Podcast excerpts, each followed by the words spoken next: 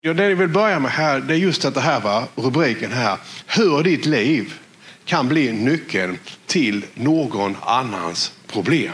Därför att det tänker man inte alltid på att så som, som livet utformas så förstår man inte allting som händer. Men ibland så kan det vara så att det som händer dig och mig på livets resa gör att när vi väl kommer fram så kan det som du har varit med om bli lösningen på en annan människas problem. Det är så, som när man går till läkaren. Då, alltså, mm, alltså även om, om de är jätteduktiga, när de tagit examen på, på läkarlinjen, då, så vill jag inte ha en nyutbildad läkare som undersöker mig om jag är svårt sjuk.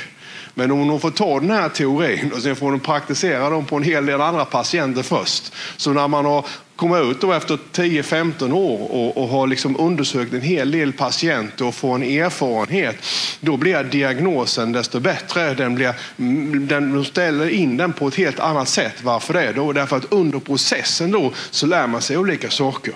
Och det är det som är just kyrkan ju. Det var därför som Jesus kom.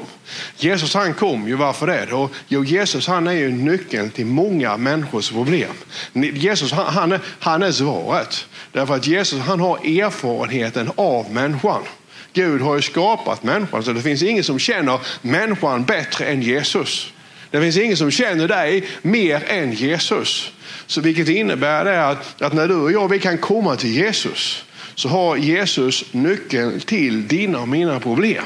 Men samma sätt är det med en församling. då. En församling, alltså när församlingen är som bäst, när kyrkan är som bäst, då är kyrkan svaret på många människors problem. Så när vi, när vi samlas här vid idag och när vi samlas som kyrka, när vi, när vi är verksamma som kyrka, då har vi ju en samlad erfarenhet av medgång och motgång, eller hur? Vi har en samlad erfarenhet av hur livet är när det är på toppen och när, hur livet är när livet går sönder. Och all den här erfarenheten gör ju då att när du och jag vill få möta människor så har vi ju svaret kanske, nyckeln till att hjälpa dem i deras problem. Och, och, du vet när man blir en sån plats, då när kyrkan blir en plats som, som svarar på människors problem, då behöver vi aldrig annonsera att vi har gudstjänst. Därför att människor vill alltid komma dit där man kan få en lösning på de problem som man har på insidan. Och det, och det är det som, det som är kyrkan. Det är därför Jesus han kom. Jesus Gud han sände sin son in i världen för att möta människors problem och för att ge oss en hjälp så att du och jag ska kunna formas. Så att när vi väl blir färdiga då så har vi en lösning då som hjälper många. Du vet, här vi nu i veckan så, så du vet, vi, har, vi har byggt eh, ett, en, ett operation, en operation och förlossningsdel nere i Kenya. Och eh, den var ju klar och vi tänkte liksom att det var det vi hade pengar till. Eh, den är invigd också och man har haft det första akuta kejsarsnittet. Men sen, sen fattades det pengar där nere till att utföra kejsarsnitten. Det är ju så att det är inte så lätt i de här länderna. Det finns inga skattepengar och så. Vi hade ju byggt den här sjukhusdelen. Och eh, då så bestämde vi att vi kanske behöver ge en gåva till för vi, på något sätt så förstod vi att det kanske behövdes pengar. Och nu i veckan då så, så satt man då och hade möten med läkarna och man visste inte riktigt hur man skulle göra därför att det, det kostar ändå pengar att ge de här akuta eh, kejsarsnitten. Då hade vi tagit ett beslut då att vi skickar ner ett sexsiffrigt belopp då från PTL. För att se till liksom så att de människor som behöver hjälp, det är extremt fattiga människor, att de kan få den här hjälpen. Så då så får de mejlet när de sitter och håller mötet och där de funderar på hur ska vi kunna gå vidare nu? Ska vi, ska vi ställa in operationen? Hur ska vi göra? Ja, och då får de liksom eh, löftet om att vi skickar ner pengar nu så att de kan hålla operationerna igång. Och just det här, det är ju att, att där är vi tillsammans i någonting som han har byggt upp under många, många år så blir vi en nyckel till andra människors problem. Vi blir en nyckel till att operationerna och de akuta kejsarsnitten ska kunna förlösas. Vilket gör att vi räddar både mamma och barnens liv, bebisarnas liv, eller hur? Och sen samtidigt så blir vi en nyckel för, för de människor som är där nere också som har satsat. Och det här är någonting som du och jag vill göra tillsammans. Och det är det här som är kyrkan. Och det har jag tänkt på, så här, det här som ger meningen till livet. Det här som, gör, det här som motiverar oss att fortsätta. Därför att Ständigt, varje vecka, varje dag på något sätt. Så när människor går in i oss som är folkkyrkan i Sölvesborg i våra liv. Så, så på grund av att Jesus har gett oss och förändrat vårt hjärta så kan vi vara en nyckel där vi hjälper andra människors problem att lösas. Kan jag predika det här idag? Ja. Titta nu här då ska vi se. Och då står det ju så här, va? jag läste eh, de andra gångerna också, vi läste det en gång till då. Och nu läser vi från folkbibeln, då, det här kapitel, eller psalm 37, vers 1. Där står det, va? gräm dig inte över det onda. Kan du, kan du säga det, gräm? Ja, du vet, jag tycker det, det, att, att gräma sig, det är ju tråkigt. Och när vi säger det på vår dialekt här vid Västblekinge, liksom, gräm, gräm dig inte. Då, blir det, då är det ungefär så som det verkligen är. Alltså, gräm dig inte. Säger man gräm dig inte så blir det, förstår alla vad jag menar. Men just det här att, att man gräm, gräm dig inte över det onda. Och avundas inte dem som gör orätt. Och det är väldigt lätt att man gör det, att man både grämer sig och att man avundas. Lita på Gud och gör det goda och lev av trofasthet. Alltså man kan leva av trofasthet. Jo, Guds trofasthet. Gud är trofast. Han kommer inte till att svika dig. Så man kan leva av Guds trofasthet. Ha din glädje i Gud. Då ska han ge dig vad ditt hjärta begär. Och så kommer det här, va? anförtro din väg åt Jesus och lita på honom.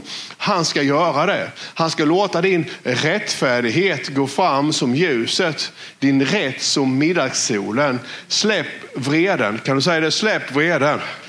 Ja, och, och, lämna ilskan. De ödmjuka ska ärva landet och njuta stor frid. Det här, det här, är, det här är en livs... Eh, erfarenhet och en livsvishet. Så om vi praktiserar den, och jag ska visa från ett, ett liv idag, under långfredagen så använde Jesus då, va? Jesus han grämde sig inte, eller hur? Och Jesus han, han, han, han, han blev inte vred utan på korset då så förlät han de som korsfäste honom därför att han visste att, att, att hämnas dem, att bli avundsjuk på dem, att, att, att gräma sig över dem, det är inte lösningen på världens problem. Eller hur? Du och jag vi lever i Sölvesborg och Bromölla och med omnöjd här. Och det är klart att människor gör ju saker och ting som inte alltid är så snälla. Jag har varit pastor i 30 år och församlingsmedlemmar gör ibland dumma saker. Men att gräma sig över att människor, ibland kan man inte hjälpa det, gör någonting dumt. Det hjälper ju ingen. För det för inte saken framåt. Men om man däremot anförtror sig åt Jesus och man litar på Gud och Gud han har sagt att gör som jag har sagt att du ska göra. Då kommer du förr eller senare fram. Det, det, det är den, den framkomliga vägen. Och då, då talar han här va, om att man ska vara ödmjuk. För han säger här, släpp vreden och lämna ilskan. Därför att den som är vred och ilsk blir själv ond. Alltså, det är ju så, va? det är en negativ spiral. Och just det här med ödmjukhet. För att ödmjukhet är inte alltid att vara snäll. Utan bibliskt sett när det gäller ödmjukhet så betyder ödmjukhet den som ödmjukar sig, ödmjukar sig under Herren. Och att vara ödmjuk det innebär att man, man gör det som Gud han har sagt. Så när Jesus han har sagt vänd andra kinden till, då är det att vara ödmjuk. När Jesus han säger ditt ja ska vara ett ja och ditt nej ska vara ett ja, du ska inte ljuga, då är det att vara ödmjuk enligt Bibeln. När Bibeln säger att ge ditt tionde, då är det att vara ödmjuk. Så ödmjukhet är att hålla sig till Gud. Och det är alltid en framkomlig väg. Kan du säga det? Det är en framkomlig väg. Ja, tänk, tänk så, så mycket bättre ditt liv hade varit om du inte hade grämt dig. Om du inte hade varit avundsjuk. Och man kanske blir arg ibland, liksom, men det är ingen mening att gå vidare och bära på ilska, för det leder ofta ingenstans i alla fall. Titta nu här så står det så här om Josefs liv. Vi ska tala lite grann om Josef. Jag vet att många av er kan detta här, men det kanske inte ändå alla då. Och, eh, Josef var ju en människa som levde för flera, flera tusen år sedan. Och ibland så kan man tänka så här, har han någonting att lära oss? Och du vet att människan är likadan nu som då.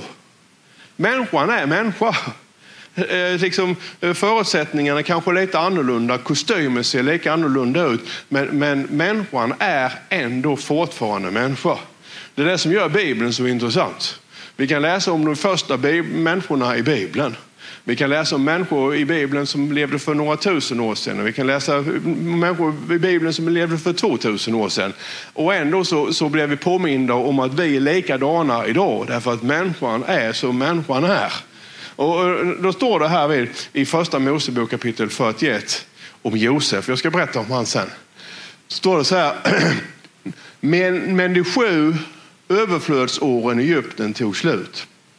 Och så började de sju hungersåren som Josef hade förutsagt. Det blev hungersnöd i alla länder, men i Egypten så fanns det bröd överallt. Och när hela Egypten började hungra och folket ropade till farao efter bröd, så sade han till alla egyptierna, gå till Josef och gör som han säger.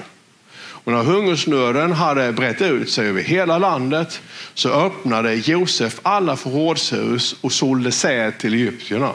Men hungersnöden blev allt svårare och från hela världen kom man till Josef i Egypten för att köpa säd. Alltså, Josef han blev nyckeln till många andra människors problem. Och eh, han, han blev det genom att han hade en, en vishet i sitt liv. Han insåg att ibland då när man får lite över så kan det vara bra att spara. Det var ingen större smarthet egentligen det han gjorde, utan han, han insåg under, under många år då så hade man väldigt, väldigt stora skördar i Egypten. Och då tänkte han det är ju onödigt att vi gör av med alla skördarna nu för förr eller senare så kommer det en torka. Förr eller senare kommer det ett år när, man, där det inte kommer att regna så mycket.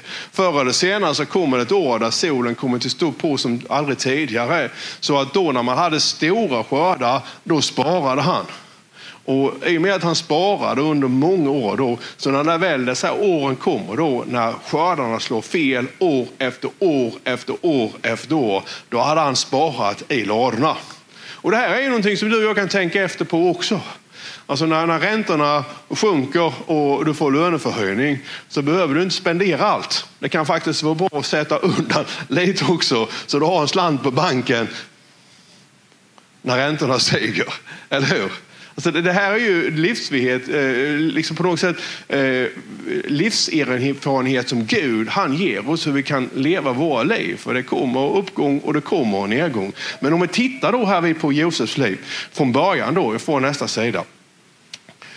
Alltså, då, då, har jag en fråga till dig. Vad gör du när Gud gett en vision? Alltså, har du haft drömmar någon gång? Då har alla människor har drömmar för sitt liv och alla har en vision. Alltså, vad gör du när Gud gett en vision och verkligheten gör motsatsen? Därför att om man tittar på Josefs liv då, inte ta hela där, men att titta från början då, så, så var, så då, då var ju 12 eller 13 syskon, var det en syster, det var 12 bröder. 12 bröder. Han var den yngsta av dessa bröderna. Bara det alltså att ha 12 bröder, det måste vara jobbigt. Nu har han den yngste. Och då är det ofta så att den som är yngst är ju den som blir mest bortskämd. Alltså den, den första får ofta ta största smällarna. Och han kom ju på, på sladden här vid Josef, för han var yngst. Vilket innebär att han blev ju eh, pappas gullegris då. Han fick allting han pekade på och han fick en annan behandling än de andra bröderna hade fått. Ja, och då är det väldigt lätt att man grämer sig över sin lillebror. Och det här som psalm 37 kom in, va? De, de grämde sig. Men deras grämelse över deras lillebror hjälpte ju inte dem. Att de blev avundsjuka på sin lillebror hjälpte inte dem. Att de blev arga på sin lillebror hjälpte dem inte heller. Men lillebroren, trots all sin bortskämdhet, han hade någonting annat. Och då han hade anförtrott, han litade på Gud. Därför att han hade en dröm. Ja, han hade en vision för sitt liv. Han fick se, det står liksom att hur solen och månen och stjärnorna bugades för honom. Alltså, eh, I all sin, sin litenhet här som lillebror så, så såg han att en dag i framtiden så kommer jag till att göra någonting som ingen fattar eller ingen förstår här just nu. Alltså min mamma, inte ens sina vildaste drömmar så kommer hon till att se vad jag ska göra därför att Gud har en plan med mitt liv. Alltså när, när, när, allt är sagt och gjort så kommer jag till att ha makt. Jag kommer till att, att göra någonting som, som påverkar hela världen. Och sen berättar han ju det för sin mamma och för sin pappa. Och han berättade det för sina bröder. Och när han berättar det för sina bröder för sin mamma och pappa, vad händer då? Ja, speciellt hans bröder. Då ökar ju grämelsen. Alltså de blir ju ännu mer eh, eh, avundsjuka. Alltså, och de tänker, vem tror han att han är? Vilket slutar med att avundsjukan, tar, alltså avundsjukan får man vara försiktig för, för människor som blir avundsjuka, de, de kan bli helt konstiga i huvudet. Alltså om avundsjukan får växa, och det som det står i psalm 37 också, att, att, att, se till så att du inte liksom låter äh, ilskan eh, bygga bo i dig, för då blir du ond själv. Så att, att de var avundsjuka på sin lillebror gjorde då till sist att de blev ju onda själva. De gjorde saker och ting som de inte ville göra. Så att de, de tar ju den här eh, lillebroren, då stackars Josef då, när han kommer och lever i sina drömmar och stora visioner. De, de, de, misshandlar honom och de slänger honom i en brunn och de funderar ju faktiskt på att de ska döda honom. Men då är äldstebrodern här nu, Ruben, då, han säger vi kan inte slå ihjäl honom. Men däremot så kan vi sälja honom som slav. Och så tjänar vi lite pengar på honom också samtidigt. Det är ju mycket bättre än att slå ihjäl honom. Och då, vill jag att du ska vara med mig nu. Tänk nu här att, att du hade varit Josef. Och du har, har, har den här drömmen, du har visionen, den här storslagna planen. Och där, sen tror dessutom att Gud står bakom dig i den planen. Att du på något sätt kommer till att sluta livet på livets topp. Du kommer inte bara till att regera över din mor och far, utan du kommer till att styra länder. Och eh, Drömmen skulle ju kunna ta ett slut där när han landar på botten av brunnen. Kan du se det här? Alltså då har han ju fortfarande visionen. Han har visionen. Han kan se att solen och månen och stjärnorna kommer till att buga sig för honom. Samtidigt då så är han fullständigt tillintetgjord. Han är kastad ner i en brunn, misshandlad och lämnad till att dö. Och ibland så kan det vara på det sättet att den vision som du har för ditt liv, den dröm som du har fått av Gud, alltså det som du tänker och den verklighet som du lever, det kan vara ett sånt avstånd emellanåt så att man, man, man förstår liksom inte det överhuvudtaget. Och allting är ju individuellt. Jag, jag var sjuk här vid förra veckan och jag har inte varit sjuk på 12 år. Och jag var så fruktansvärt sjuk. Alltså hade ni varit så sjuka som jag var, var sjuk förra veckan så hade ni legat, ni hade, fått, de hade, ni hade ringt efter ambulansen och åkt in på akuten. Alltså, ni hade inte klarat det. Alltså, alltså febern var jättehög, nästan 39 graders feber och jag hostade och, och alltså, det var, det var ren, ren tortyr.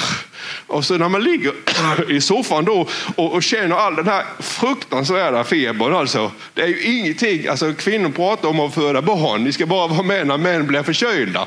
Alltså, när, man, när man har den här, den här svåra plågan, den här höga febern och den här enorma hostan och tänk dig bara behöva gå och lägga sig med hosta. Då, då tycker man att man är väldigt långt borta ifrån planen och visionen som man har för sitt liv. Ja, och sen ändå så blir man påmind om att andra människor har ju det så oerhört mycket svårare just nu när man tänker på kriget i Ukraina. Eller hur? Men alltså, det, det krävs faktiskt inte mycket ibland för att man ska tycka att man är väldigt långt ifrån visionen och drömmen för sitt liv. 39 graders feber och hosta. Och jag tyckte ju att Karin gjorde helt fel för jag sa till henne gå och hämta lite handdukar och, och fukta dem och ligg och badda min panna i mitt stora lidande.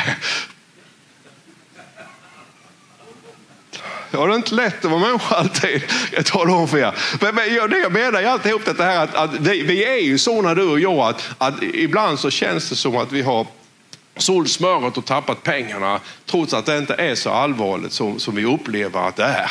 Eller hur? För Gud är med oss i alla fall. Och då står det så här, va? det här är från psalm 37. En rättfärdig mans steg är bestämda av Gud och Gud gläder sig över hans väg. Så att Alltså, Josef då, den här lillebror, hans väg, hans steg. Titta på mig nu, för det är det här vi inte alltid tänker på. De var ju bestämda av Gud. För vi tänkte liksom att när Gud han har bestämt stegen, då ska allting alltid bara gå bra. Nej, Gud hade bestämt stegen. Och de steg som Gud hade bestämt när det gäller Josefs liv, de ledde ju ner i brunnen. De steg som Gud hade bestämt när det gäller Josefs liv innebar att, att när det här slavföljet då kom förbi, slavägarna, så sa bröderna vi säljer honom. Så han blev såld som slav. Och så tog man hem hans kläder då och sa till pappan då att han hade blivit dödad av ett vilddjur.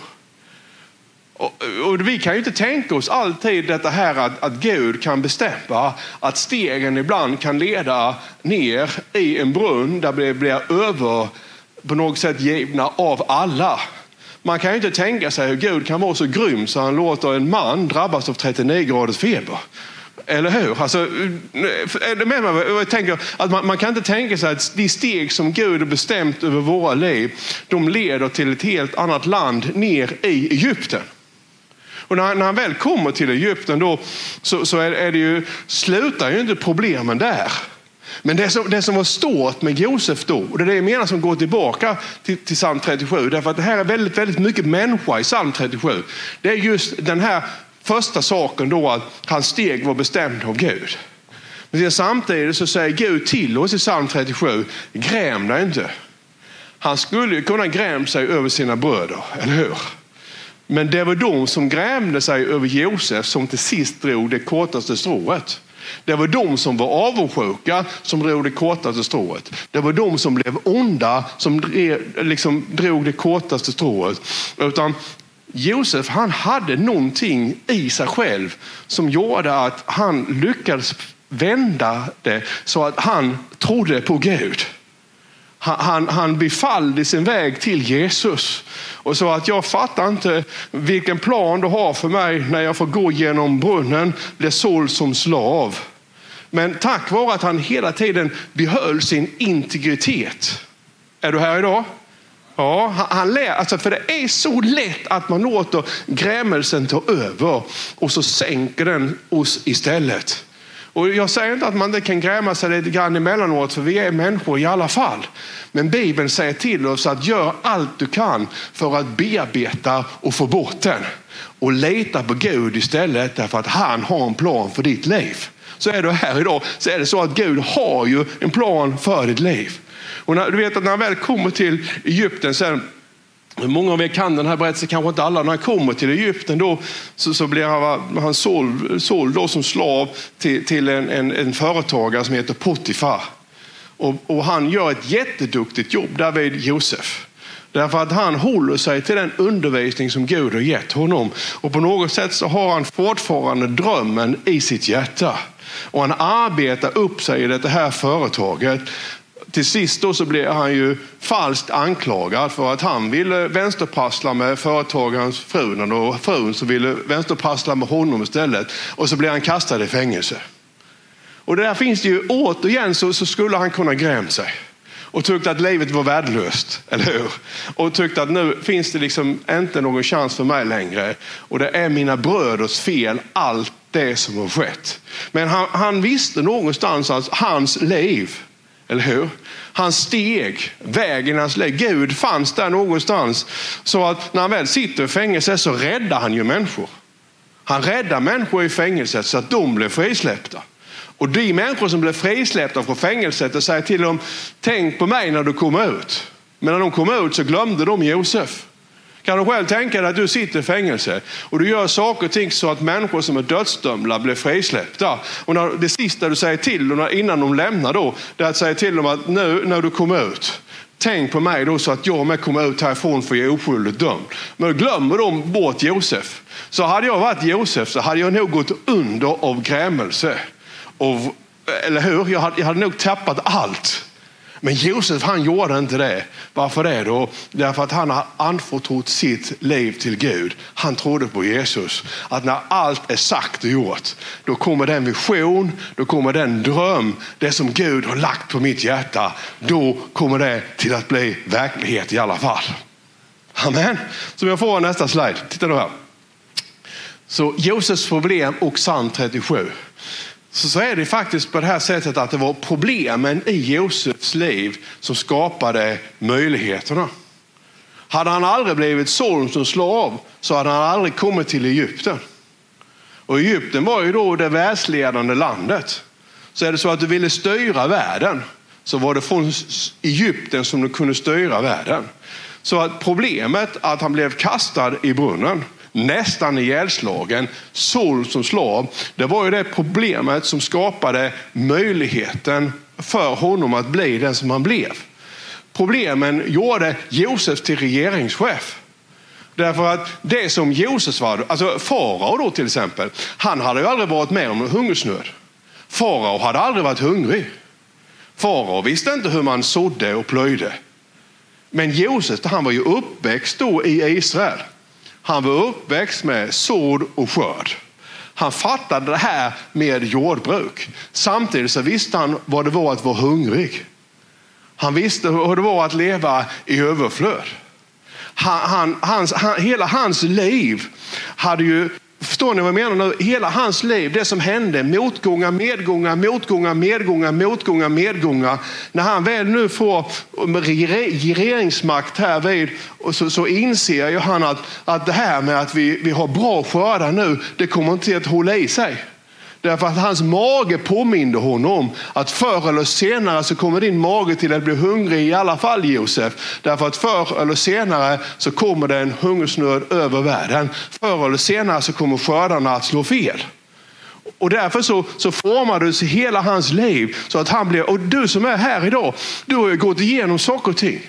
Alla som är här och ni som tittar, ni har gått igenom saker och ting. Och just det som du har gått igenom, det, det kan ha fört dig till den plats där du är just nu. Och därför så är vi tillsammans här. Vi är faktiskt nycklar till massor med människors problem. Vi som kyrka är ju nycklarna till många människors problem. Därför att de, de saker som vi har varit med om, det har andra människor också varit med om. Och de ställer sig frågan, vad, vad är det som kan hjälpa oss? Ja, drogerna kan inte hjälpa oss. Vi kan inte fly in i filmens värld. Men däremot så, så kan man få möta människor som är på riktigt. Som säger att det som du går igenom, det har jag gått igenom också. Och jag har lärt mig hur man tar sig ut ur dessa här problemen. Alltså en nyckel till andra människors problem formas genom att man själv går igenom samma sak. Så är det va? Problemen gav Josef visheten att rädda världen. Och det gav honom också en favör. Därför att när, när han, när han, det, det, finns någonting magiskt i alltihop det här. När du och jag vi, vi vägrar att löna ont med ont. Kom igen nu, är du här? När du och jag vi tänker att jag vänder andra kinden till en gång till. Eh, jag läste han, eh, eh Broder Juns bok nu, om kineserna liksom, i början då när väckelsen kom och innan förföljelsen blev för stark. Då, va? Och den här första församlingen de blev kallade till polisstationen och de, de fick liksom, eh, inte så kraftig misshandel, men de ändå misshandlade. Så sa de till poliserna, snälla poliser kan du slå oss lite på andra sidan kinden också. Alltså, eh, det, det, det finns någonting i att när vi håller oss till Guds plan, när vi anförtror vår väg väg till Jesus. Och när vi vägrar liksom det här med grämelsen, med avundsjukan och släpper in det i vårt liv så, så kör vi igång övernaturliga processer runt omkring oss som kommer till att lyfta oss istället för att vi lyfter oss själva. Det är den, den sanna ödmjukheten på något sätt. Det är kanske inte alla som vill vara här vid en söndag förmiddag. Ibland då för att man har annat att göra. Man skulle behöva göra någon annan sak. Och då så tänker man, men jag, jag går i alla fall på gudstjänsten. Varför det då? Det är därför det handlar lite om, om en ödmjukhet inför Gud jag går. Jag vet inte vad jag kommer till att få och då kanske inte händer så mycket. Men just det här att man, man, man lyder, att man, man, man, man är trofast Gud gör att det påverkar saker och ting som vi inte kan se och som vi kan förstå. Därför att Gud är trofast. Kan du säga det? Gud är trofast. Ja, ja. Så att tittar man här vid nu så att, titta nu vad jag skriver här för det här är väldigt bra. Kan du säga det här är väldigt bra? Ja, alltså det är inte problemen i sig själv utan hur du hanterar det själv när problemen kommer. Alltså det var ju inte problemen i sig själv när det gäller Josefs liv, utan det var ju hur han hanterade sig själv. Hur han hanterade sig själv när han blev kastad i brunnen. Hur han hanterade sig själv när han blev såld som slav. Hur han hanterade sig själv när han blev falskt anklagad att försökte vänsterprassla med Potifars hustru. Hur han hanterade sig själv när de glömde bort honom trots att han hade hjälpt andra ut ur fängelset. Det var hur han hanterade sig själv. Och därför så ger psalm 37 oss nyckeln när Gud han talar till dig och mig. Gräm dig inte över det onda. Var inte avundsjuk och tyck att de får allting som du skulle vilja ha. Och de, de är bara dumma dessa här människorna. Utan anförtro din väg till Jesus. Därför att han känner dig. Och han har ditt bästa för sina ögon. Ja. Amen. Har vi sista så ska vi sluta. Och då, då läser jag igen då, och då är från en över, annan översättning, här från psalm 37. Då står det så här, va? irritera dig inte över det onda när det verkar ha framgång. Avundas inte de som gör fel. Istället förtrösta på och luta dig mot Herren och gör det goda. Stå kvar och, och föröd alltså. Följ efter, levnär dig på trofasthet och ha din lust, ditt välbehag i Gud. Då ska han ge dig vad ditt hjärta begär. Han ska besvara ditt hjärtas önskningar. Nästa Fredrik. Överlämna din väg till Gud. Förtrösta på honom och han ska agera i ditt ställe. Var stilla inför Herren och vänta på honom. Och släpp vreden. Kan du säga det? Släpp vreden. Ja, överge ilskan, reta inte upp dig, det leder till ondska, då blir du själv ond. Och så sista sliden här nu, titta nu här ska vi se det här svaret. Det finns alltid en dörr som väntar på att låsas upp. När vi är här vid idag så är det, är det massor med människor vars liv är stängda. Och de väntar på att någon ska komma som har nyckeln som kan öppna deras dörr. Och, och det, var, det var det som hände med Josef. Jag har en annan predikan om det när jag talar om the key man, alltså nyckelmannen. Därför att du vet att för att nyckeln ska passa i låset, då måste du ta nyckeln till nyckelsmeden. Har du tänkt på det? Alltså när vi gjorde nya nycklar här vid kyrkan då, då har man någonting som man kallar för ett ämne. Men det här ämnet, den här grundnyckeln, den passar, kan inte öppna någon dörr med den. Men däremot om du tar den till, till nyckelmakaren, nyckelsmeden, då, så börjar han att slipa nyckeln. Och ser du, nyckeln den är fylld av taggar, eller hur? Det går upp, och så går det ner, så går det upp och det går ner. Och när nyckelsmeden är klar med nyckeln då så har han slipat nyckeln på ett sådant sätt så att när du sätter den i låset så kan du öppna dörren. Mm. Och det är det som, som, som hände med Josefs liv. Varje händelse i hans liv var ju Gud som höll på att forma en nyckel av hans liv. Motgångarna, medgångarna, de djupa dalarna, topparna i hans liv. Till sist var det en nyckel som farao och som världen behövde. Men om han inte hade gått igenom de olika sakerna i sitt liv så hade nyckeln aldrig passat i låset för att öppna upp den. Och vi tillsammans här som kyrka, alltså de saker som vi har varit med om, de saker som du har varit med om, det innebär ju att du, du är nyckel. Därför att du kan ta dina erfarenheter och Gud kan ta allt det som du har varit med om. Och sen så kan han använda det för att hjälpa andra människor i de situationer som de är nu. Halleluja. Och det är det som jag menar är det fantastiska med att få leva idag. Det är det som är det fantastiska att få vara en del av en kyrka och få göra det som vi gör. Därför att den samlade livserfarenheten som vi har tillsammans, det som du och jag är, det kan hjälpa oss att öppna stängda dörrar i andra människors liv. Och tänk så många människor som sitter bakom en stängd dörr. Tänk så många människor som har låst in sig i ett rum och som undrar om det är någon som kan öppna den dörren.